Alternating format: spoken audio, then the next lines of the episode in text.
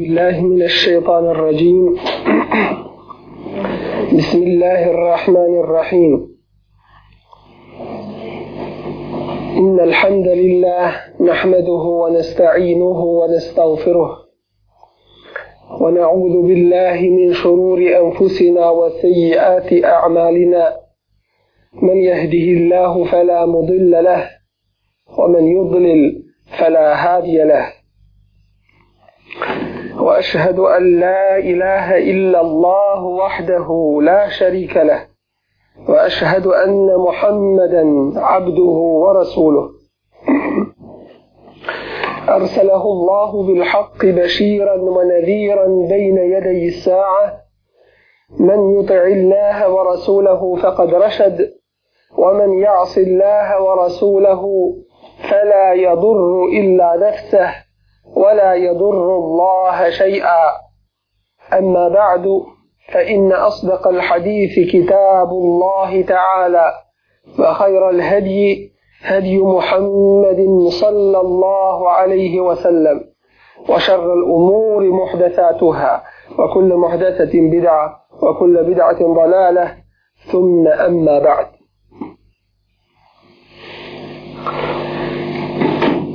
uzvišene riječi našeg stvoritelja, dobročinitelja, Allaha Đelešanu.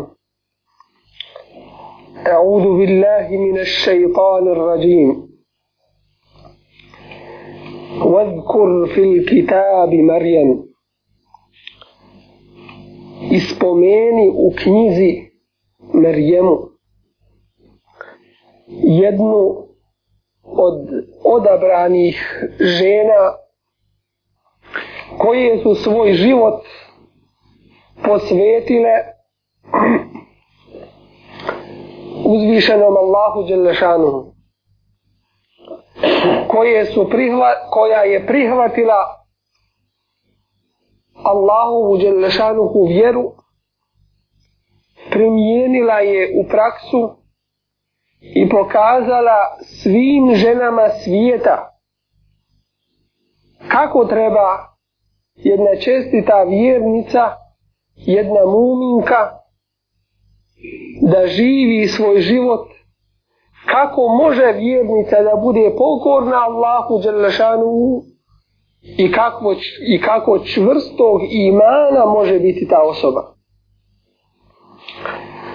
Kur'ansko kazivanje o Merijemi, o majici Allahovog poslanika Isa a.s.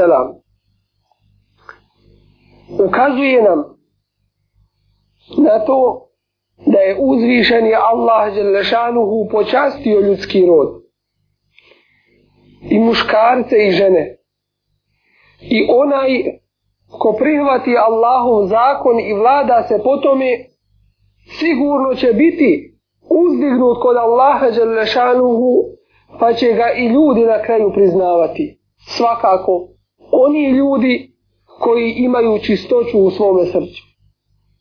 Od takvih priznanje je korisno i vrijedno.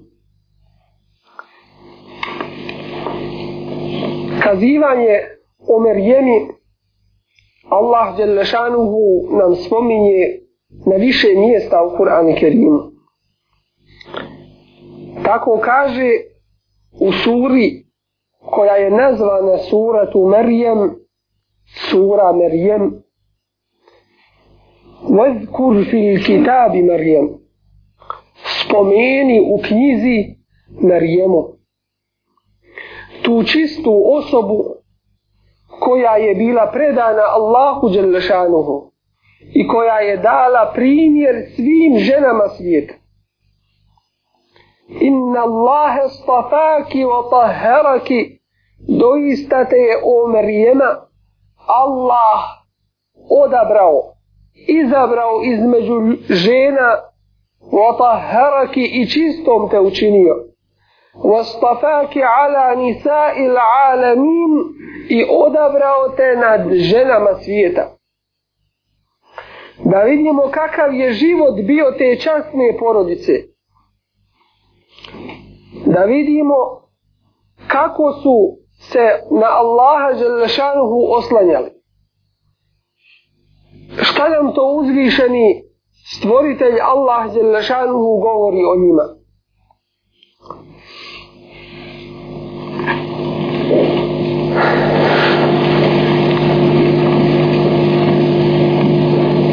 إذ قالت امرأة عمران I kada reče žena Imranova Rabbi inni nezertu leke uzvišeni Allahu naš gospodaru ja ti posvećujem i zavjetujem ma fi batni ono što je u mom stomaku ono što je u mojoj utrovi ono što ću ja roditi. To je tvoj dar koji mi daješ i ja to tebi poklanjam. I zavjetujem, darujem da ovo moje dijete bude tebi u itatu, tebi u pokornosti uzvišeni Allahu.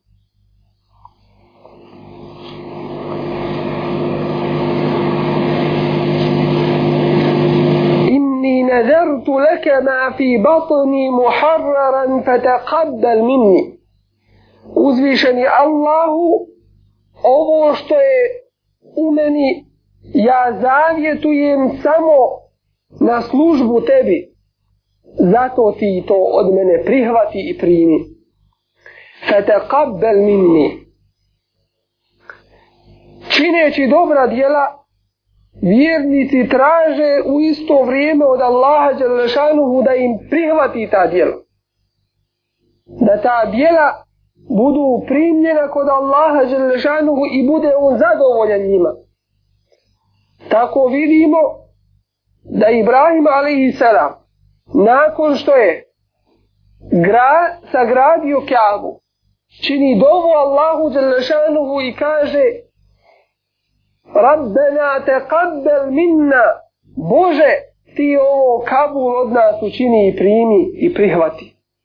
Inneke ente se mi ul alim, doista si ti taj koji sve čuješ i sve znaš.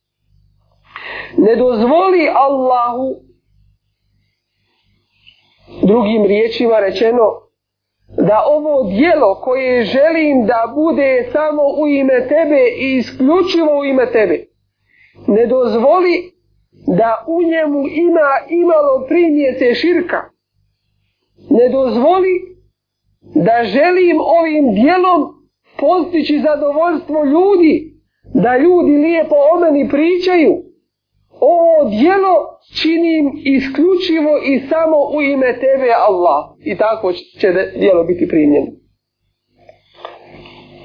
I zato Ulema kaže čovjek kada čini neko dijelo, dobro dijelo, treba prije nego što počne da radi to dijelo, treba da preispita svoj nijet, svoju namjeru da se zapita zašto ja ovo djelo radi. Jer ako ga radi u ime ljudi, ako ga radi u ime nekih drugih interesa, a ne isključivo u ime Allaha od toga djela, neće biti sevaba. Od toga djela neće biti prave koriste. Prije nego što počne raditi neko djelo treba da se preispita zašto to radi. I da li je Allah zadovoljan tim djelom.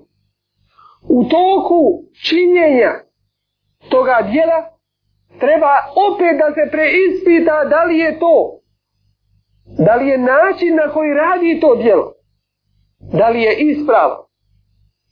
I kada završi to dijelo, treba opet da se preispita kako je to dijelo urađeno i završeno. I da zamoli uzvišenog Allaha Đelešanuhu da mu prihvati to.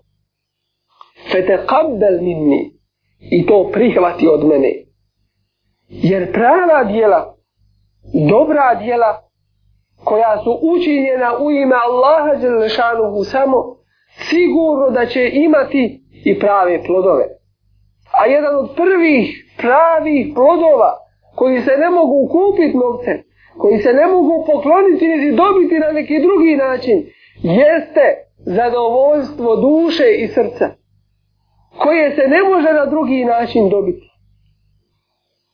Kazuje se da je žena jedna koja nije imala puno sredstava prolazila pored džamije koju je car pravio.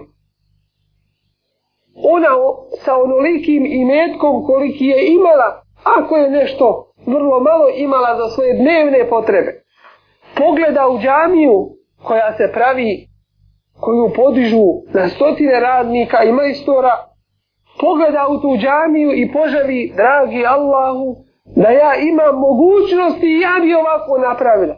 Ali ja ne imam te mogućnosti, ne imam tih sredstava, ali moja je želja da napravim to.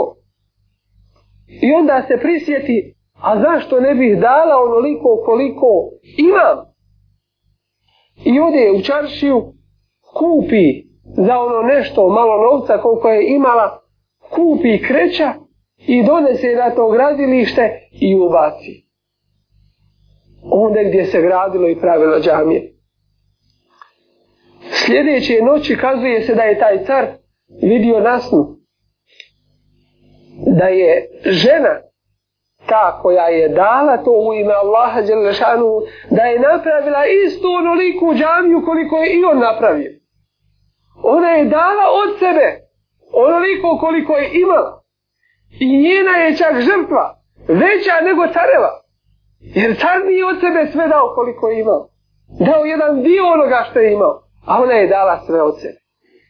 I zato među prvim hadisima koje ulema spominje u hadiskim zbirkama jeste hadis pegandarov alaihi sallatu wasalam innamal a'malu bin nijak. Dijela će se kod Allaha Đelšanuhu cijeniti i vrijednovati prema namjeri, prema nijetu, šta je čovjek tražio i želio tim, tim dijelom da postigne. To će biti jedna od mjera kojom će Allah Želešanuhu procjenjivati ljudska dijela. I zato, koje god čovjek dijelo učini, ne smije ga ni pošto podcijeniti. Koliko god u njegovim očima, u ljudskim očima, to dijelo malehno bilo. Kaže pejgamber alaihi sallatu wasalam u jednom, u jednom hadisu La tahtirenne minal ma'rufi šaj'a Nemoj da podcijeniš ni pošto od dobrih dijela ništa makar da sretneš svoga brata muslimana vedrog lica da nisi smrtnut lijepo da mu selam nazoveš vedrog lica da ga sretneš, da se lijepo ispitaš, nemoj ni to najmanje da pocijeniš jer to može imati kod Allaha Đelešanu veliku vrijednost. Jer to zbližava ljude, jer to ima velike plodove i korisne među ljudima. I zato Allah Đelešanu postavlja među ljudima pravedan mizan, pravednu mjeru. I zato kaže lijebluvekum ejukum ahsenu amela. Allah je lešanu u, u Kur'anu kaže jedan od uzroka što, što nas je dao da živimo na ovom dunjaločkom svijetu. Kaže da bi vas ispitao, da bi vas Allah iskušao. Lijebluvekum ejukum koje od vas ahsenu amela boljeg djela. Nije rekao ko je od vas većih dijela, već kaže ko je od vas boljih dijela. Ahsenu amela. Što znači da kvantitet bez kvaliteta kod Allaha Đelešanuhu ne predstavlja nikakvu vrijednost. Već Allah traži kvalitet, makar to dijelo koje čovjek radi, ne bilo veliko u, u našim očima ovo je jedna od porodica o kojoj nam Allah Želešanuhu iznosi kazivanje.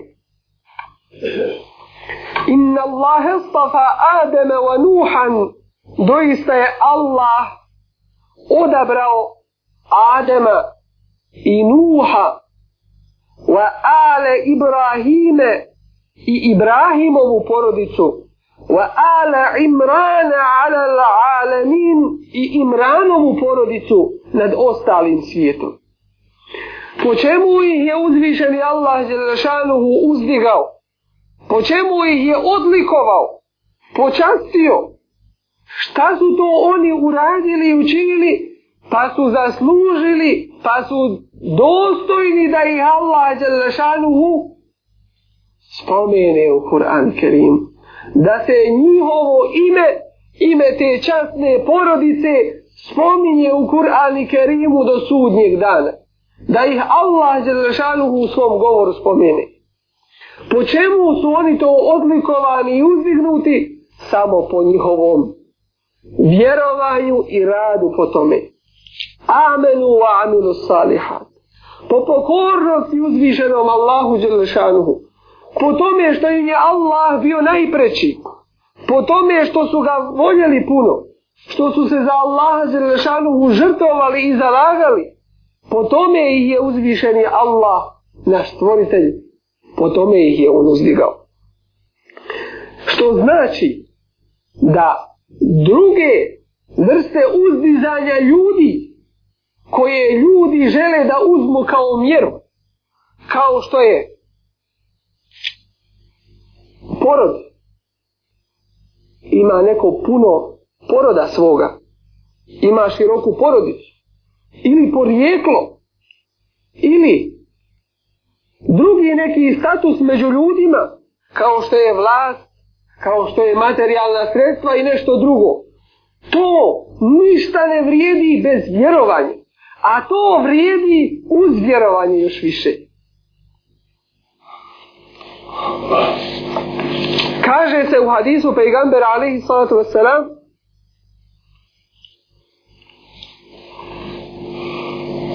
ko ne bude radio dobra djela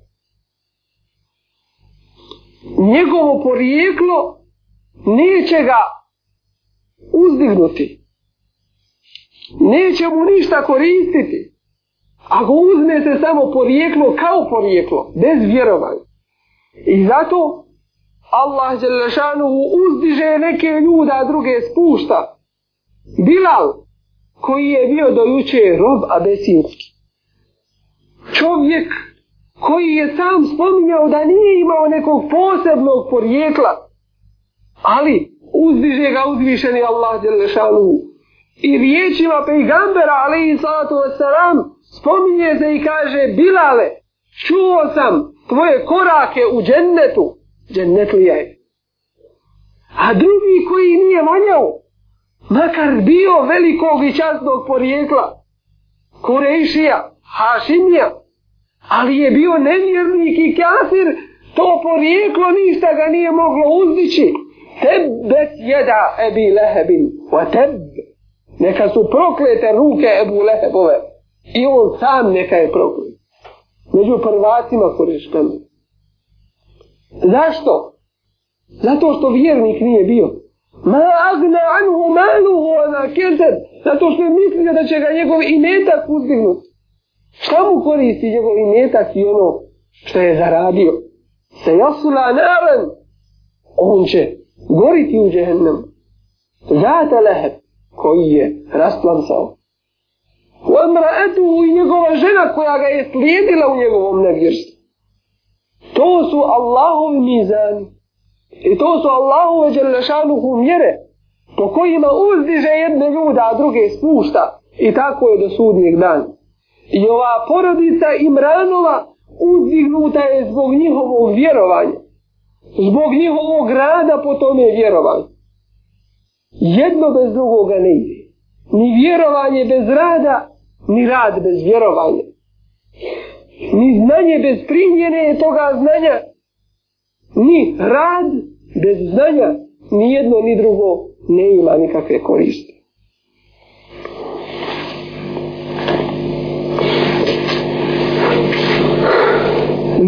jetem ba'duha min ba'd porod jedan od drugoga prenosili su jedni na druge prenosili su pravo, iskreno, istinsko vjerovanje. Jer su bili svjesni da će stati pred Allaha Đelešanu i odgovarati za svoje djela. A drugo, jer su shvatili i bili uvjeđeni da drugog puta mimo Allahovog Đelešanu ne ima.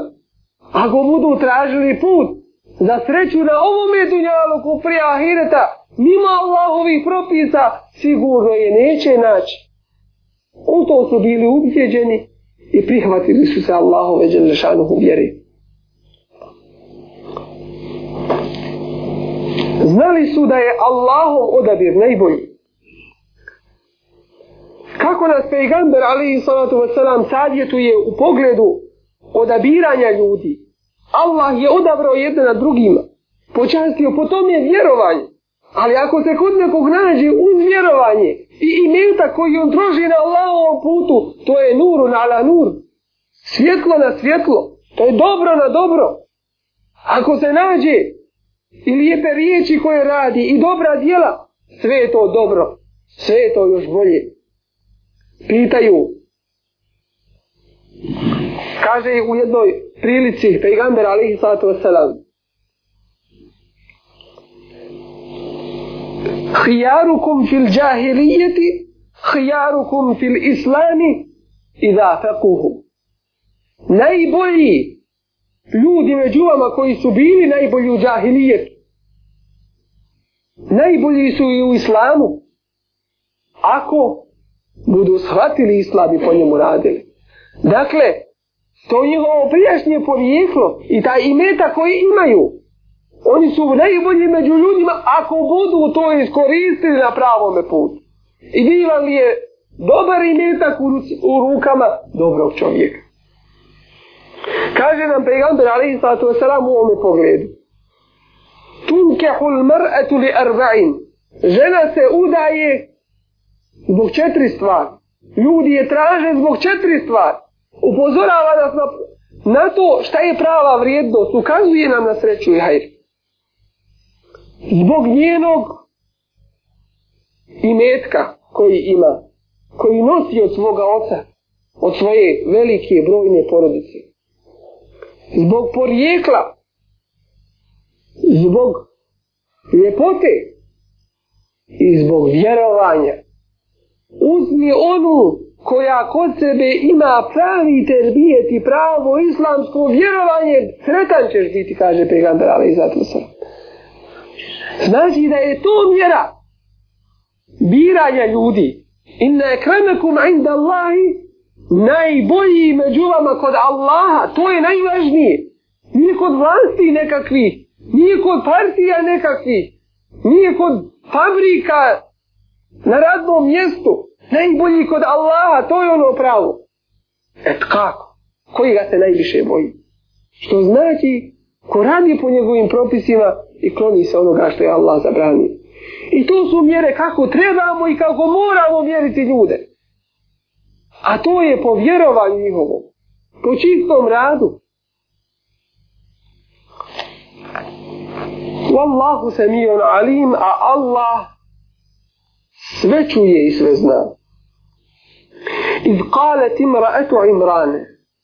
Počinje kazivanje o Marijemi o majci Isaovoj, alaihi selam, kazivanje u suri koja nosi isti naziv suratu Ali Imran, sura porodica Imranova.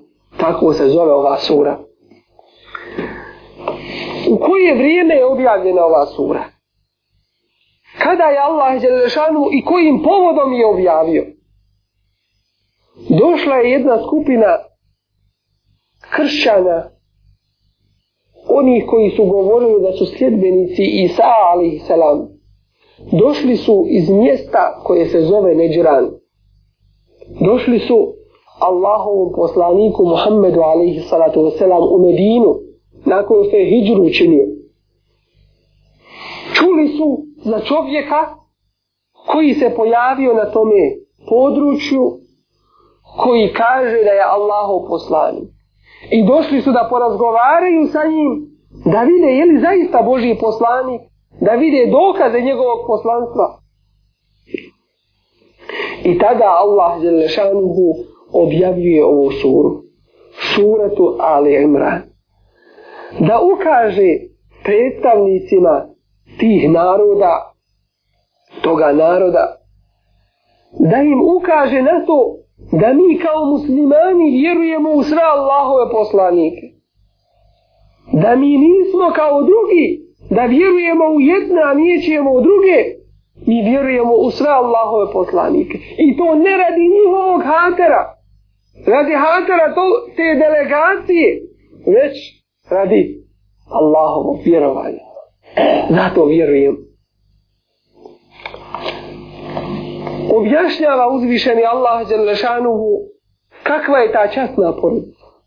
Da bi njihova srca se otvorila prema islamu, da vide da ne ima nikakve razlike između islama za kojim je došao Muhammed a.s. i onoga sa kojim je došao Allah poslanik Isa a.s. Da to izlazi iz jednog svjetla, da to Allah Đelešanuhu objavljuje. I da je Kur'an došao da potvrdi ono što je objavljeno prije njega. Istine iz tih prijašnjih objava i da ispravi ono što je tokom generacija i stoljeća iskrivljeno. Tom prilikom bivaju objavljivane ove riječi o životu ove časne porodice, o Merjeni, o Isao, ali i selam, da bi Allah Đelešanu prešao na govor o posljednjem svom poslaniku Muhammedu alaihi salatu wasalam, čije se ime spominje i u Tevratu i u Inđilu. Teđidunehu mek, jeđidunehu mektuben indahum fit Tevrati wal Inđil. Naze da je zapisan kod njih, da je njegovo ime, njegova svojstva, da su spomenuta kod njih mektuben indahum fit tevrati i u tevratu val inđil i u inđilu.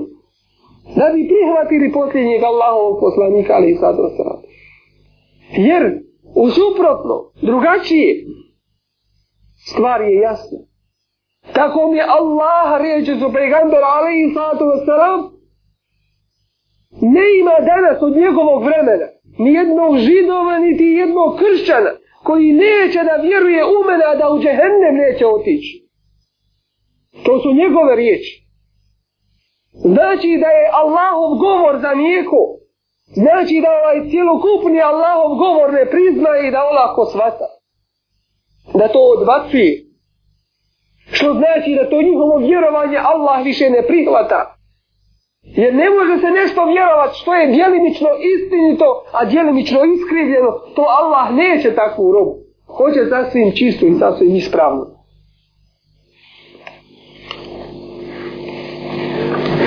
Iz kale tim ra'etu imrane, kada reče žena Imranova, jedna od časnih žena koje su zaslužile da se njihovo ime spominje u Kur'anu žena je puno u svijetu bilo. Bilo vjernica ili nevjernica je bilo. Ali neke su se posebno istakle među vjernicama, tako da ih uzvišeni Allah će zašanu mu spominje, kao primjer ljudima. Imraetu Imrane, žena Imranova.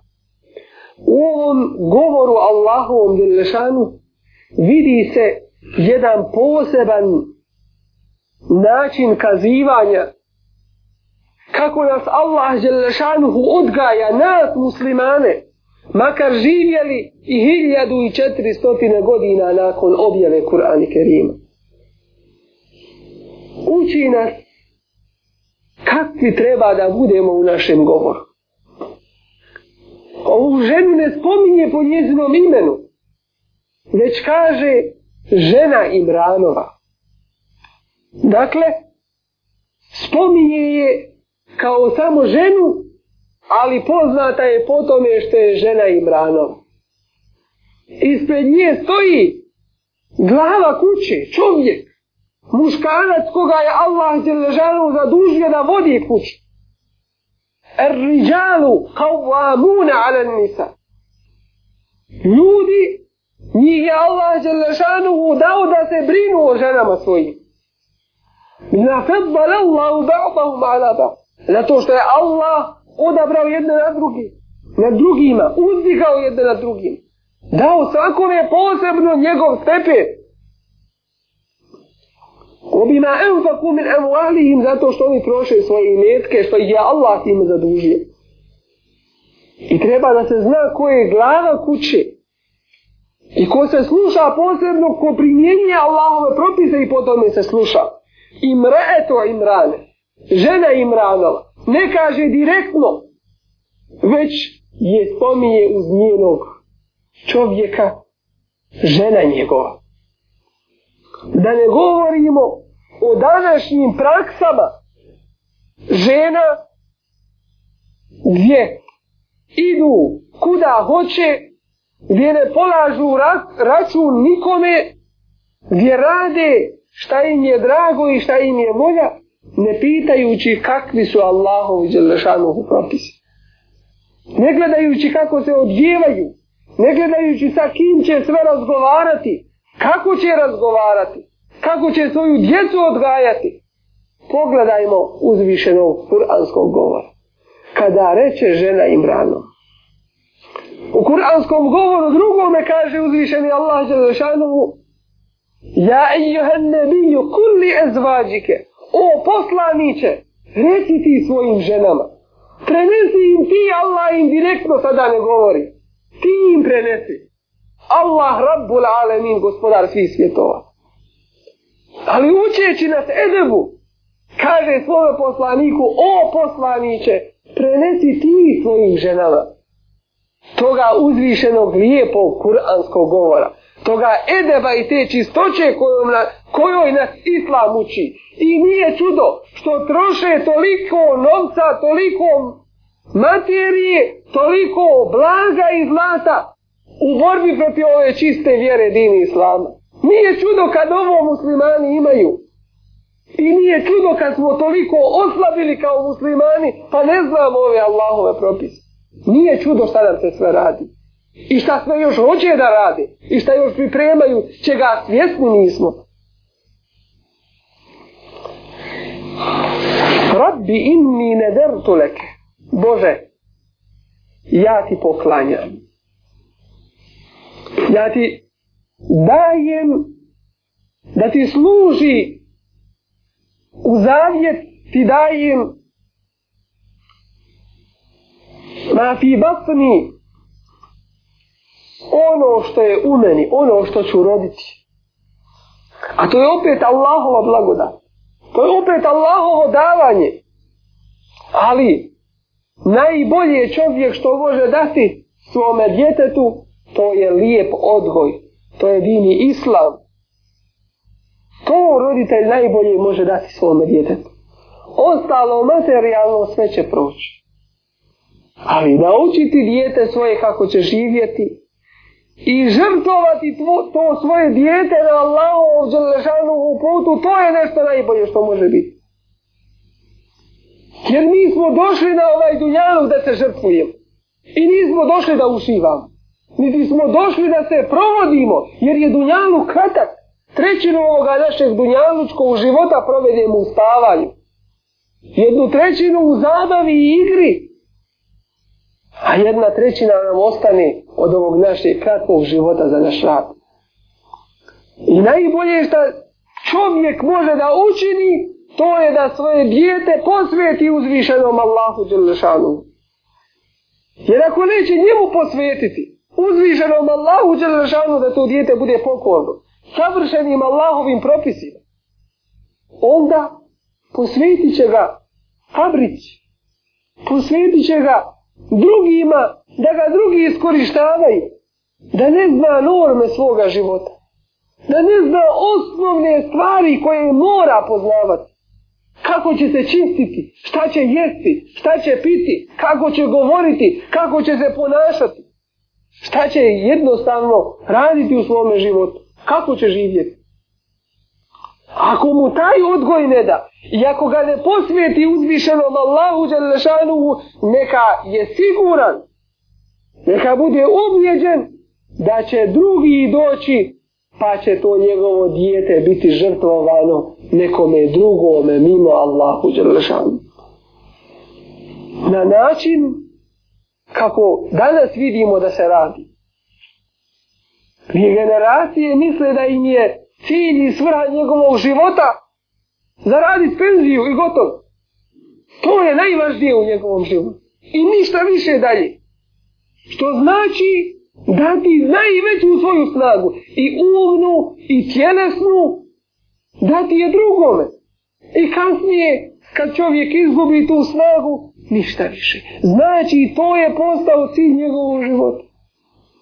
I ništa više. Čovjek musliman treba Allahu da se posvjeti. Treba sebe Allahu da pokloni. Da živi za Allah. Da umire za uzvišenog Allaha Đelešana. A onda neće biti sigurno napušten ni ostavljen. I u najtežijim trenucima Allah rješenje nalazi na način kako čovjek se i ne nada, kako ne može ni pomisliti da će rješenje doći samo obrati li se čovjek iskreno uzvišenom Allahu Đalešanu. Jer čovjek, kada čovjeku dobro učini, ovaj mu zahvali i dužan je to učiniti. Ali kada u ime Allaha Đalešanu u čovjek nešto učini, onda je Allah Đalešanu puno zahvalni, zahvalni. وكان الله شاكرا عليما I doista je Allah taj koji sve zna. I kad sve zna, šakir, onaj koji puno zahvaljuje. Koji će desetorostruko do sedam stotina puta više dati za ono što si uradio u ime Allaha Đelešan. I zato, za čovjeka muslimana ne ima zlih situacija, ne ima zla, ne ima nesreće. U zatvoru sreća jer je uz Allaha opet, vjeruje uzvišenog Allaha. Nesretan je onaj koji se prevrće u svili i kadifi, ali je nevjernik, ali je nečist. On je nesretan. Pa ubijaju nas radi islama, elhamdulillah, kad smo to postigli. Kad smo bolji, pa nas ne mogu podnijeti. To je početak njihove propasti i neuspjeha. Da ne mogu ništa reći nego oružje uzeti pa se boriti protiv nejači, protiv namaza, protiv džamije. Kome je to moglo da smeta? To je već jedan uspje. Da su uzeli da se bore protiv ove čistoće, protiv ove lijepe vjere dini islama. Što znači da su oni već duhovno poraženi. Što znači da prije nego što su unišli ovaj rat, da su izgubili duhovno. A izgubit će i materijalno. Jer je pomoć od vjernike. I sve je u Allahovoj želešanu u ruci i sve sa Allahovom odredbom se dešava. Ali prije nego što su unišli ovu borbu izgubili su duhovni. Jer nisu mogli stati na stran islamu. Nisu mogli odgovoriti islamu. Ko će reći nešto nakon ovih riječi? Nakon ove čistoće i ove ljepote?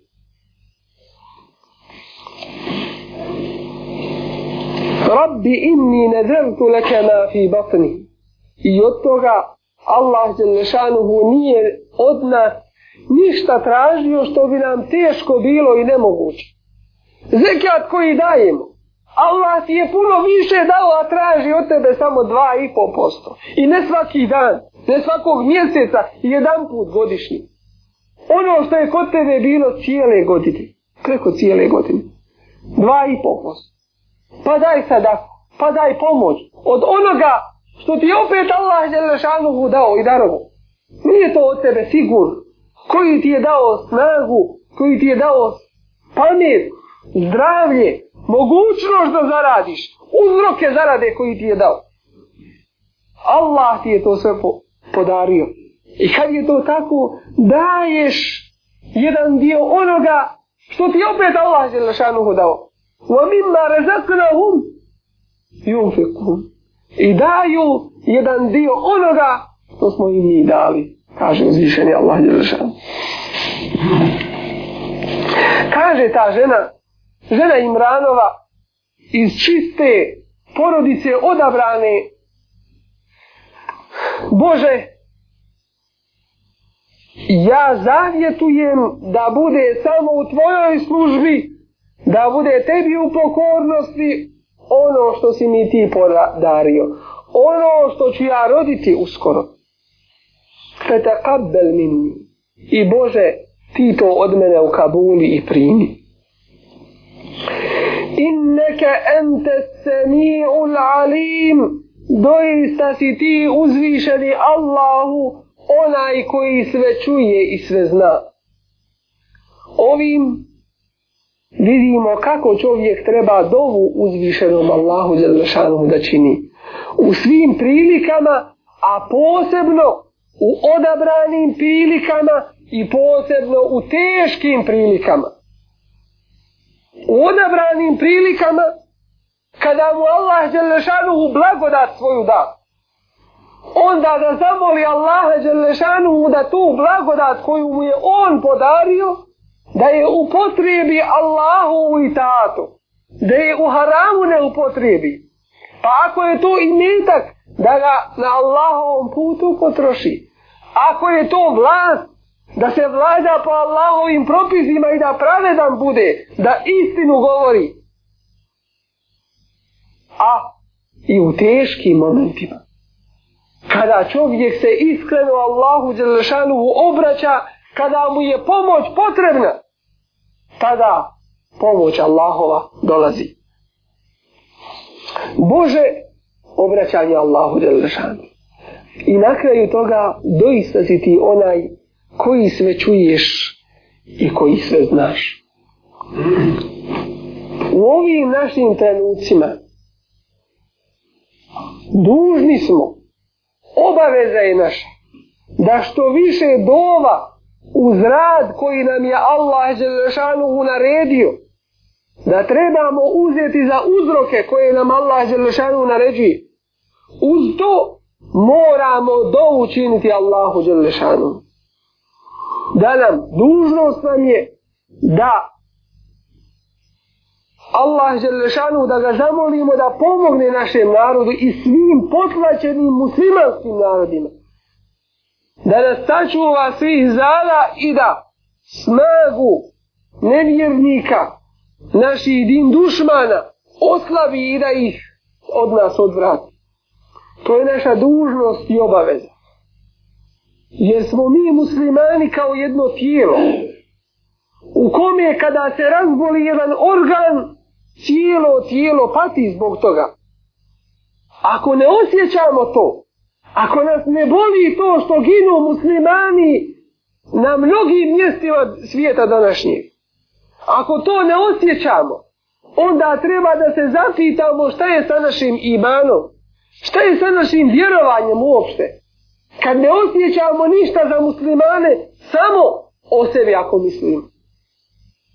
Jer onaj ko misli o muslimanima i o njihovim brigama, taj pripada muslimanima. ima ljudi koji idu u dvije krajnosti, koje nisu pohvaljene, ni jedna ni druga. Neki ljudi uzimaju samo za uzroke, rade uzroke nekih stvari, kao što su bili naši neprijatelji. Uzeli su i obskrbili se svim vrstama koje su mogli imati na oružanja, informatike javnih medija da unište jedan muslimanski narod. Uzeli su za te materijalne uzroke. Ali u tom svom računanju nisu računali na uzvišenog Allaha Đerlešanu. I zato njihova računica je pometena. Nije izašla onakva kakvu su mislili da će dobiti. Nisu uspjeli. Naš muslimanski narod je ostao. I ostaće dok u srcu ima imana i dok priznaje uzvišenog Allaha Đelešanu. Dok je Allah Đelešanu najpreći. S druge strane, naći ćemo opet ljudi koji ne uzimaju za te materijalne uzroke. Koji misle da će Allah Đelešanu tek tako bez rada njihovog riješiti situaciju. Sama pomoć tek tako bez uzroka ne dolazi وَقُلِ عَمَلُوا kaže uzvišeni Allah Đelešanu i reci im Allaho poslaniće radite nemojte samo reći mi smo vjernici pa će Allahova pomoć doći Allah će pomoći hoće Allah pomoći to treba potvrditi ali pod uslovom ako smo vjernici radimo po onome što nam je Allah naredio da radimo krajnost nisu u redu. I naš islamski put, put muslimana, jeste rad po uzrocima. Inna atejna u min kulli šeji'in sebeben, fe etba'a sebeba. Sve svoje uzroki sebe ima. I to slijedi taj uzrok. S druge strane, oslanjamo se na uzvišenog Allaha Đelešanu.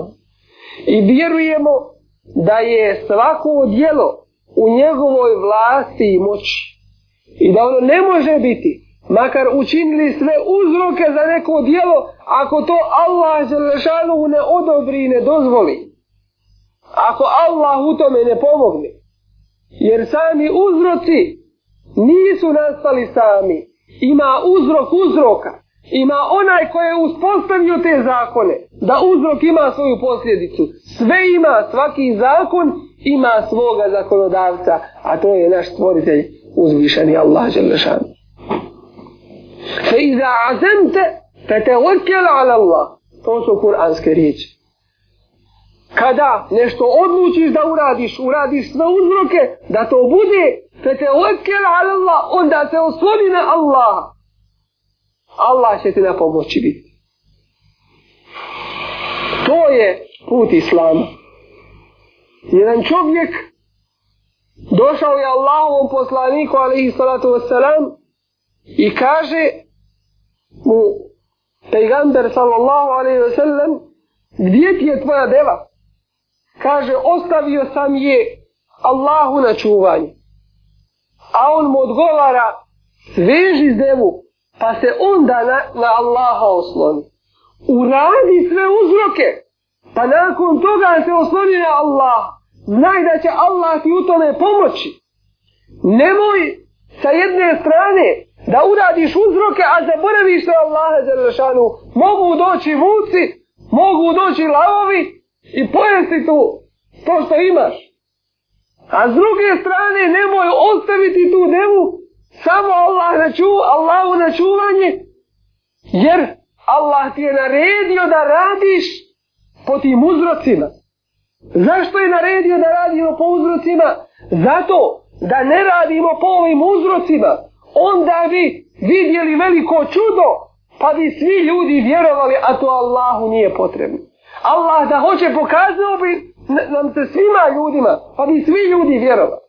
ولو شاء ربك لآمن من في الأرض كلهم جميعا da hoće tvoj gospodar Allah i Zerašanu svi ljudi bi na zemlji vjerovali pokazao bi im čudo pa će svi vjerovati takva čuda je pokazivao narodima koji su živjeli uz Allahove poslanike i takva čuda nad prirodne pojave nazivaju se muđize to je svojim poslanicima dao. Da se nešto desi bez svoga uzroka.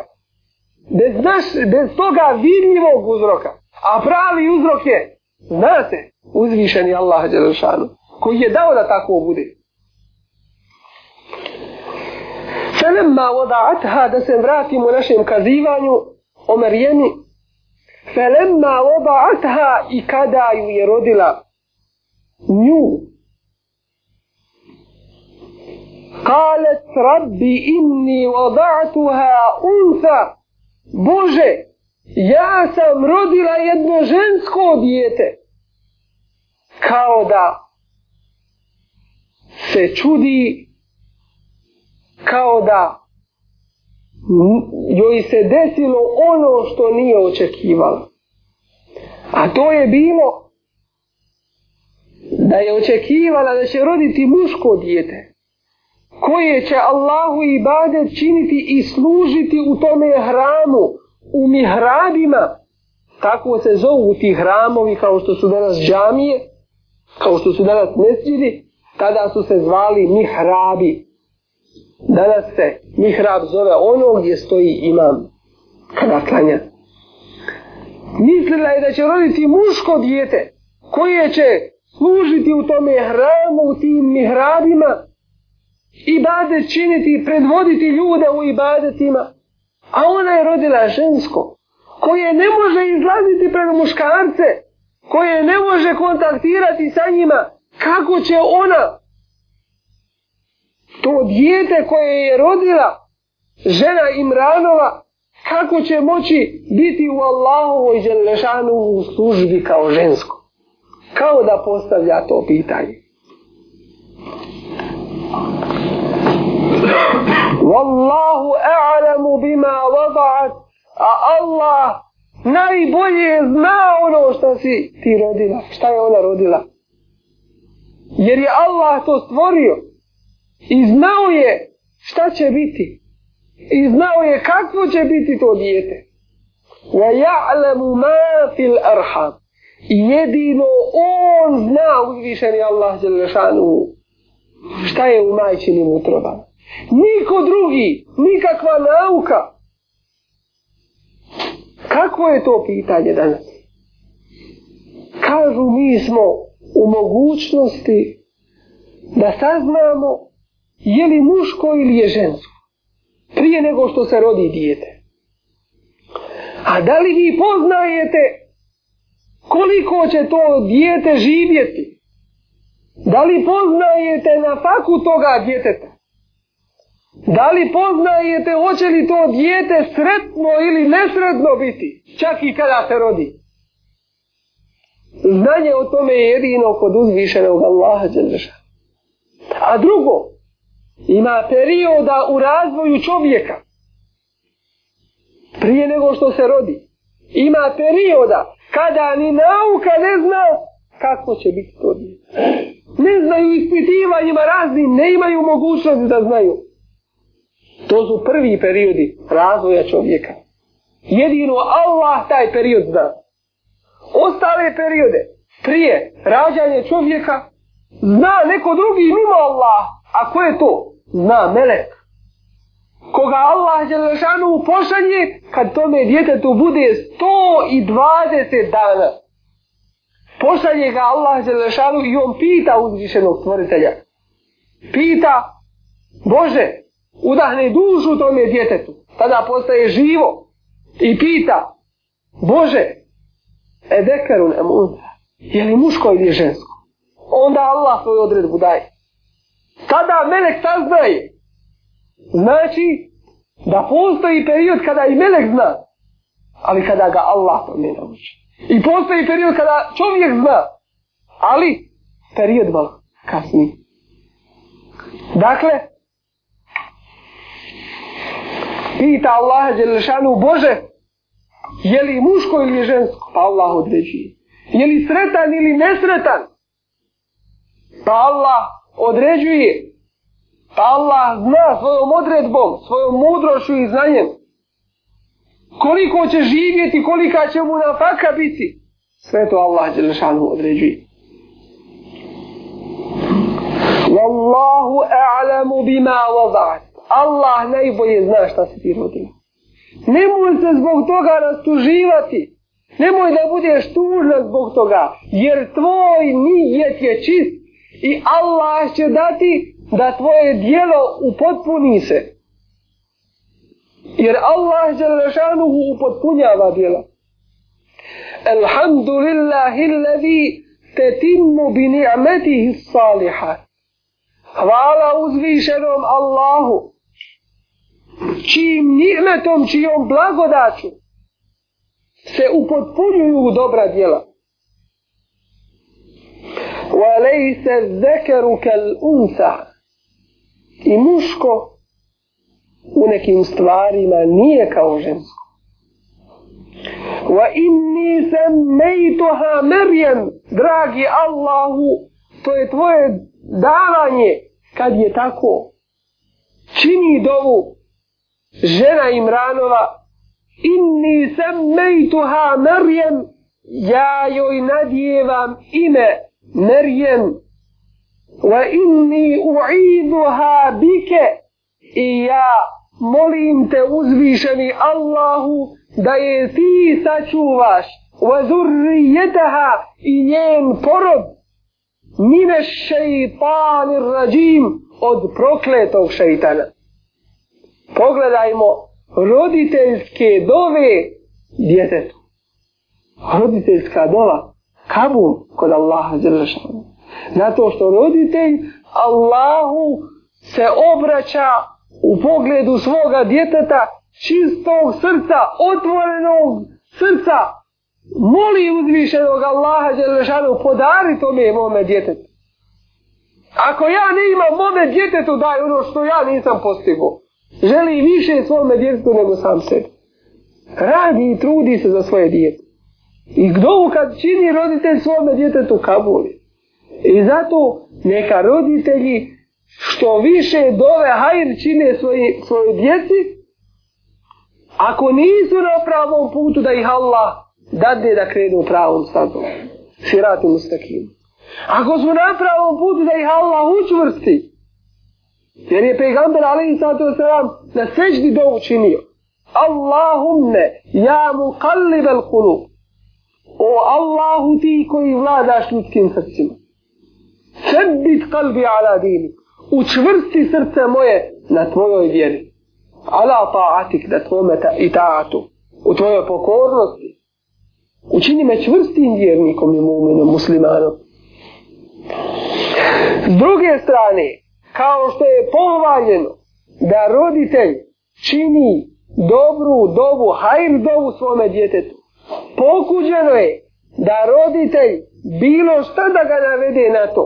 Pokuđeno je da svome, rodite, svome djetetu protiv svoga djeteta da čini dovu, bed dovu.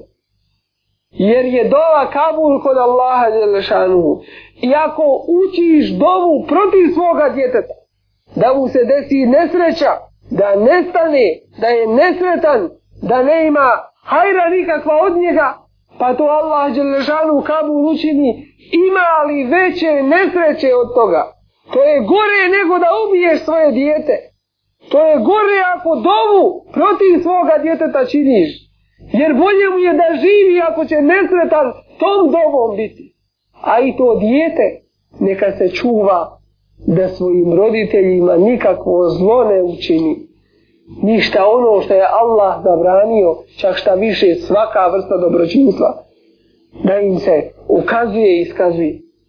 Da ne bi bili uzrokom u tome da njihovi roditelji proklinju i dorečine protiv svoga djeteta.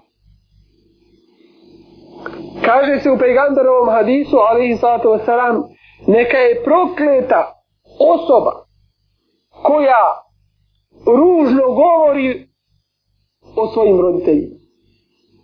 A pa pitaju Asadi, Boži poslaniće, zar može biti osoba na ovome svijetu koja ružno govori o svojim roditeljima, koja proklinje svoje roditelje?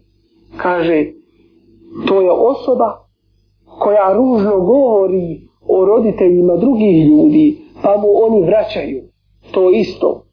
Znači, ružno govore o njegovim roditeljima.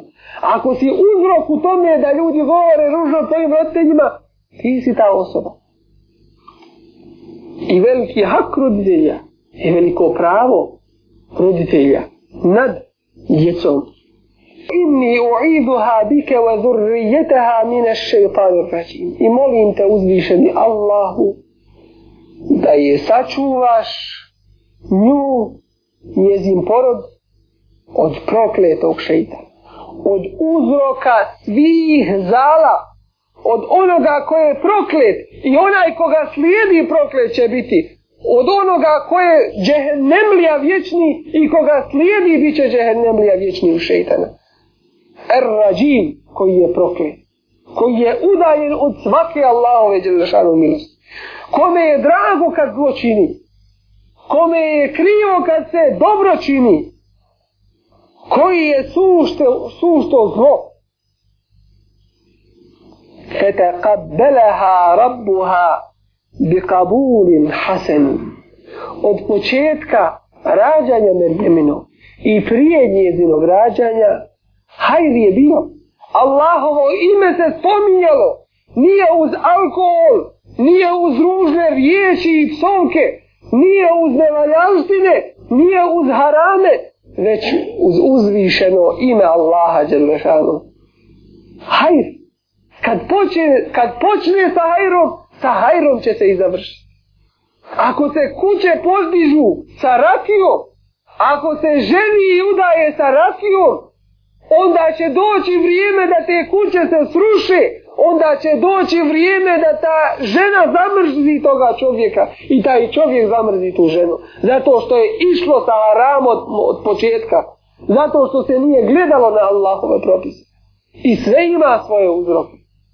Samo što Allah ne kažnjava za sve. Samo što je Allah erhamu rahimim.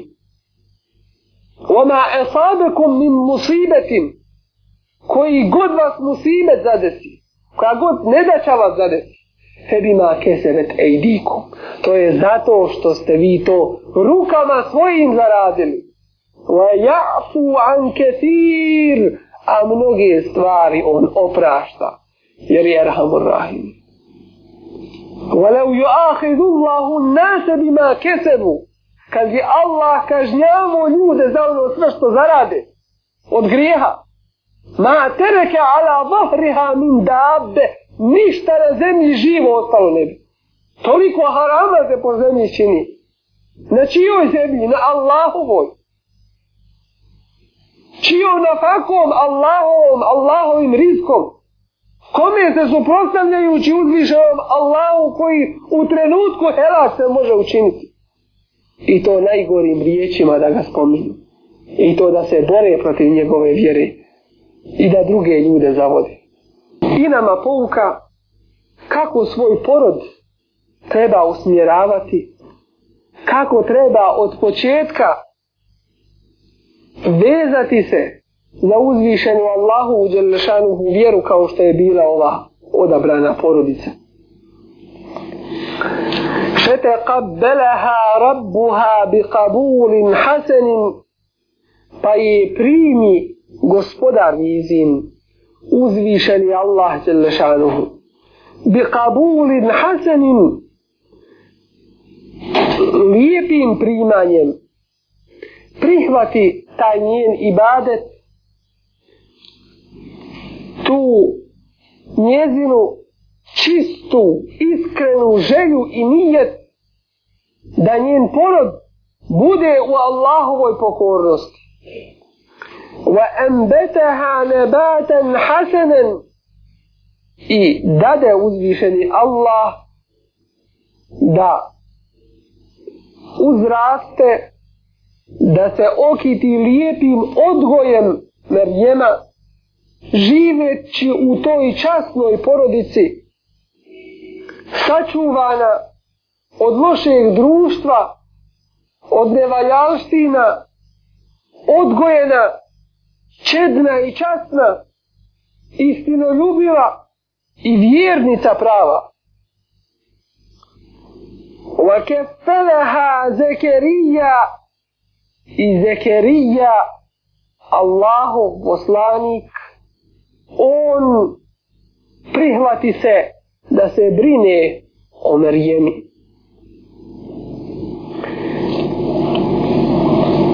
Zekerija alaihi salam nije imao djece. Njegova žena je bila nerotkinja. Molio je uzvišenog Allaha Đelešanuhu da mu podari časno, lijepo, istino ljubivo dijete, blage naravi.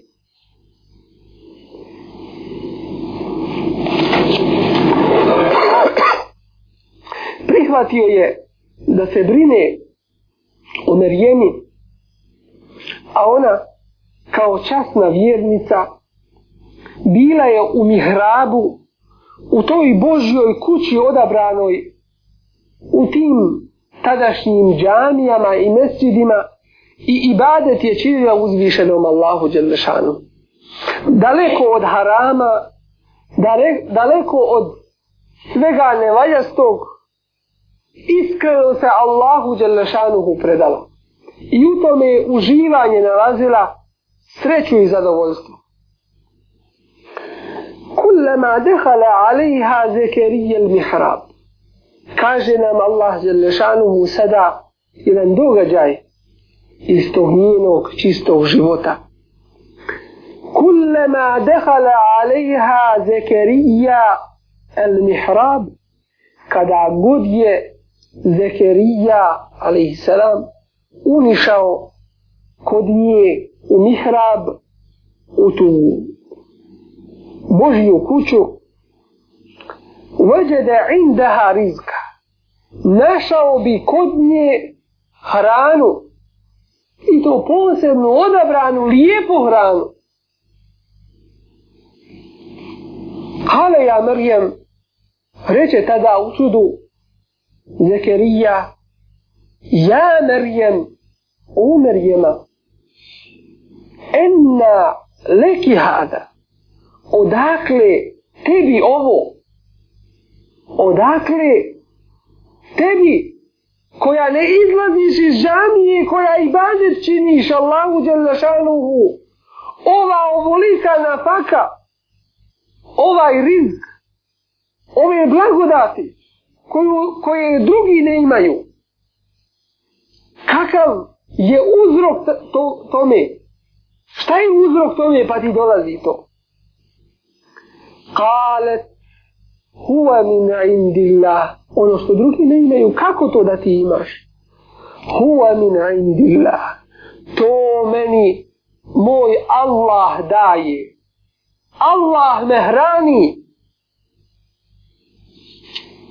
inna Allahe jerzuku men ješa'u bi gajri hisab. Allah daje na faku kome hoće. Bi gajri hisab. I mi kažemo bi gajri hisab. Koliko god on hoće. Ne ima granice u tome svome davanju. U toj svojoj blagodati. Vidješ i tu keramet tu blagodat koju je Allah Đelešanu upodario Merijeni, toj častnoj ženi. Dovu čini Allahu poslanik Zekerija. Hunalike, tu, na tome mjestu i u to vrijeme, kada se uvjerio u dubožio blagodat, iskoristi priliku, jer smo rekli i u nenačama i u blagodati, kada je vidio to veliko čudo, u nalike, tada u tome času i u tome mjestu, da dovu učini Zekerija, rabbe svome gospodaru, Allahu Đelešanu. Obrati se uzvišenom Allahu Đelešanu. Ovdje vidimo da Allah Đelešanu odgovara na jedno mišljenje koje je prošireno i uvjerenje i vjerovanje kod nemuslimana a to je da je žena prokleta smatraju ženu da je drugorazred nevrijednosti da nije kao muškarac da je žena stvorena samo zato da služi čovjeku i ništa drugo, kao što mu životinje njegova služi, kao što kravu koristi, kao što druge životinje koristi u svojim svakodnevnim poslovima. Zašto to ljudi govorite o tome? Zar ne može ona biti odabrana? Kažu, izmišljaju, neistine govore kažu zato njihovo obrazloženje. Zato što je žena bila uzrokom protjerivanja Ademovog ali i selam iz dženneta. A to je neistina. A to je laž za našu pramajku, Hazreti Habu. Jer Allah Đelešanu kaže se lesvete lehuma pa im je desvesu njima dvoma, ne samo njoj i ne samo njemu, njima dvoma, lehuma, es šeitan, dorio šeitan. Znači, šeitan je bio uzrok, a nije žena bila uzrok. I kada su pogriješili, šta su rekli? Hala rabbena valemna enfusena. Bože, mi smo zulum sami sebi učinili. Oba dvoje njih. Wa illam tazfir lana wa tarhamna lana kunanna min al-khasir. Ako nam se ne smiliješ, i ako nam ne oprostiš, sigurno ćemo propasti.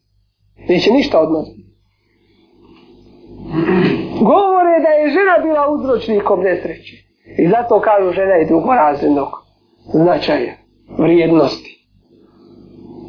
Ovdje Allah Đerlešanu ukazuje na jednu činjenicu da onaj ko vjeruje i radi dobra djela, bio muškarac ili žena, da će sigurno dobiti nagradu kod Allaha Đelešanuhu. I da svako ima svoja prava i da svako ima svoje dužnosti i svoje, svoju posebnu čast. Na ovom mjestu kaže se zekaru kan unza. I nije muškarac kao žena odabrane su one. Ali ona koja slijedi Allahove propise, ona koja neće mimo Allahovih propisa, i da sallet hamseha, kaže pejgamber Ali Sadrosa, kad klanja svojih pet namaza, vasame čehreha i posti svoj mjesec, mjesec Ramazana, wa alta'at zauđeha i bude u pokornosti svome čovjeku, u onome što je Allah odredio, svaka. Reći će joj se, uniđi u džennet sa rahatlukom. Svoju dužnost je ispunila, svoju obavezu. Žene su jednom prilikom došle pejgamberu alaihi salatu wasalam i rekle Boži poslaniće, muškarci idu u borbu, na Božijem putu daju svoje živote, padaju kao šehidi, imaju posebnu deređu. Daj i nama, da i, i mi idemo u borbu. Bolje su te žene nego neki muškar. Nego mnogi muškar. A odgovara im pejgamber, ali i zato selam. Kada žena ispuni svoje, u značenju ovaj hadis, kada ispuni svoje obaveze, kao što je namaz, kao što je ibadet i bude pokorna, bude kako treba u svojoj kući, ispuni svoje obaveze i dužnosti prema djeci, prema svome drugu, onda kada je to tako, onda je ona na stepenu onoga borca na Božijem putu. Ako je drugačiji, čovjek kada dođe sa svojih poslova, umoran svoje kuće. Ako ne nađe rahatlu kod svoje kuće, ako ne nađe lijepu riječ, ako ne nađe odmor kod svoje kuće, onda je to džehennem pravi na ovome svijetu. Onda ne ima sreće, onda je to nesreća prava. Jer je to suprotno skroz. Mjesto da odmor nađe, on nalazi još veći umor, još veće nezadovoljstvo. I onda nije na svojim poslovima kako treba. Onda u svojim poslovima svakodnevnim koje treba da radi i obavlja, onda nije kako treba. Onda je nešto poremećeno u cijelom toku života. Bilo da će biti poremećeno u fabrici u kojoj taj čovjek radi, na radnom mjestu, u vladi, u školama, bilo gdje da radi, taj čovjek neće obavljati svoju dužnost kako treba. Ovim Allah Želešanu ukazuje na posebno vrijedno žene koja ispuni svoje obaveze koje, imaju, koji, koje je Allah Želešanu stavio u dužnost. Hunalike da'a zekerija rabbe tu je Allah Želešanuhu pokazao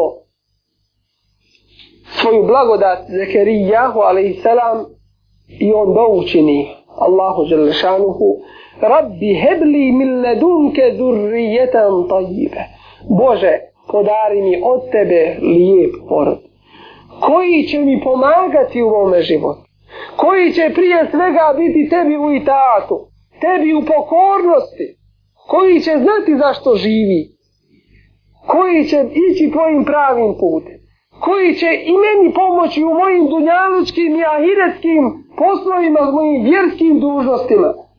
A, i kada preselim, koji će me u lijepim dovama spominjati. To je najbolje što čovjek iza sebe može ostaviti. Vile, kola, bilo šta drugo što čovjek može zamisliti, sve će to proći. I još će čovjek za to odgovarati.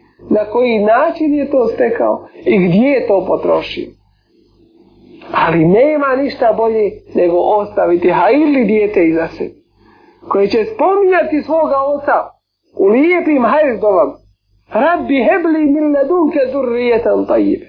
Bože, podari mi od tebe lijep čestit porod. Koji će služiti tebi Allahu Đelešanu. Koji će biti od hajra sebi i zajednicu koju živi. Inneke se nije od dua. Doista si ti taj koji dovu čuješ, koji dovu prihvataš, koji pomažeš, koji si na pomoći vjerniku. Ovim nam Allah Želešanuhu ukazuje na to kako čovjek treba da misli na odgoj svoje djece. Kako treba da radi da bi odgojio svoju djecu. Dijete se počne odgajati prije nego što se rodi. I to roditelj treba da bude svjestan toga. Dijete se počne odgajati prije nego što se rodi. A ovo je taj odgoj.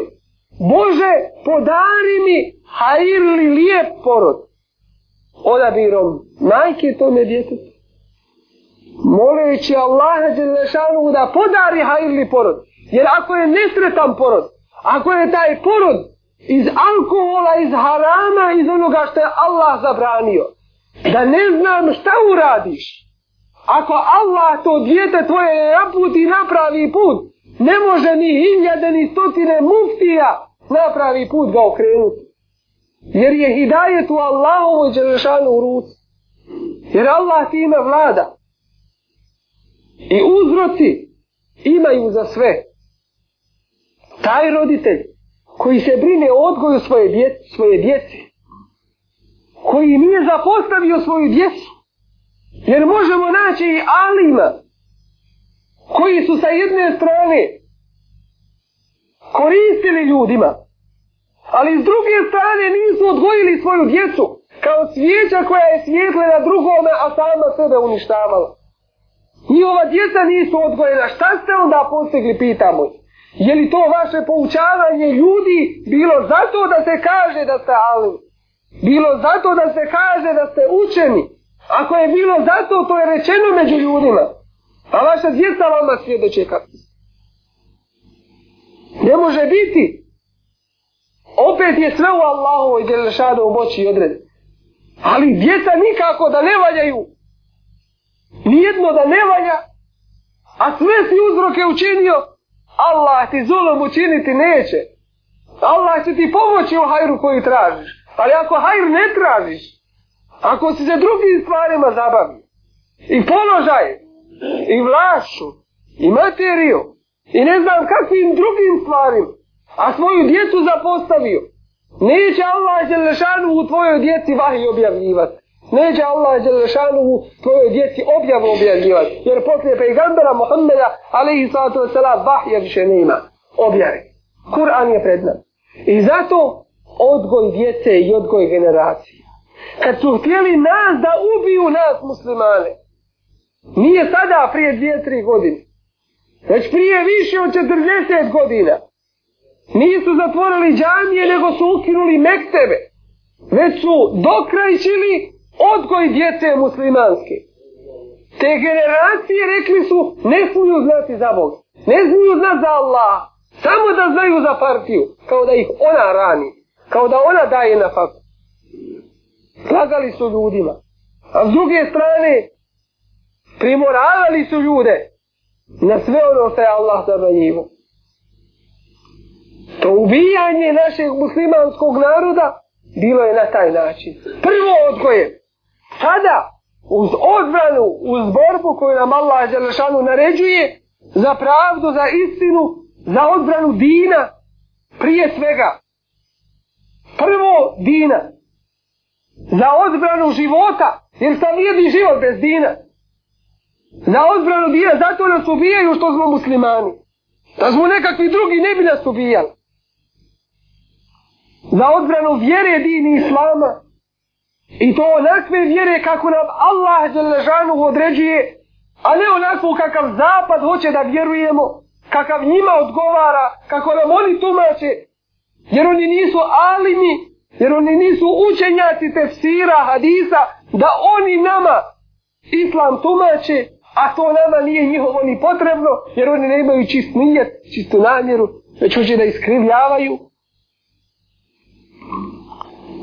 Dužnost nam, muslimanima, ostaje da uzbor uz to što nam Allah je zašao naređio za odbranu dina našeg života, časti i metaka, poroda, uz to dužnost nam je prva da poučavamo muslimane dini islamu da ih učimo kako će biti muslimani i zašto su muslimani. Jer ako ne zna zašto je musliman i zašto vjeruje, zašto radi po islamu, onda može doći druga vjera sutra, može doći druga ideologija, pa opet zavesti naš narod i naše narode, ko što su to do sada radili. Moramo ih tome naučiti, to je velika naša borba isto tako. Bez toga ostavimo li naš narod da bude nepismen u dini islamu, da budemo muslimani samo po osjećajima. To vrijedi, ali to nije trajno. To ne može učvrstiti nas, posebno nas koji živimo na tim područjima Balkana. Moramo biti svjesni zašto vjerujemo, koga vjerujemo i kako da radimo po onome što nam Allah Đelešanu određuje. Time ne mislimo nikome zunom I drugi su svjesni. Drugi vide da Islam zulum neće učiniti. Ali nas ostavljaju da budemo u džahilijetu. Da mi drugima zulum činimo pa da i oni nama mogu zulum uzvratiti. Neće da naučimo pravi Islam. Jer pravi islam je jači od sablje, je jači od tenka, od aviona, od bilo kakvog oružja. On ne ima granica. Prelazi granice. Ne ima nacije, a prelazi sve nacije, obuhvata sve. Ne ima boja kože, sve obuhvata živo. Ona erselnake illa rahmeten lil alemin. Poslali smo te pejgambera, alaihi sallatu wasalam, kao milost svim ljudima. Nije kao nesreća, nije kao zulu, kao milost svim ljudima. Bez razlike na rasu, na naciju, na jezik, na državu u kojoj žive. Rahmet svim nas. I alhamdulillah, zahvaljujemo uzvišenom Allahu Đelešanuhu da nas je učinio muslimanima. Da možemo o islamu govoriti i da smo te generacije koje imaju priliku da šire din islam, da ga objašnjavamo i da po njemu radimo. Toga se možemo samo ponositi, biti sretni, zadovoljni, ne treba se bojati ovih iskušenja, jer sve se događa sa Allahovom odredbom, njegovim izunom i njegovim znanjem. Ovo što se nama dešava, Nekome je rahmet od nas, nekome je milost od nas, a nekome je opet patnja, nekome je kazna jazab, a nekome i opomena. Kako kojem čovjeku? I zato čovjek musliman, toga smo svjesni, gubitnih nikada ne može biti.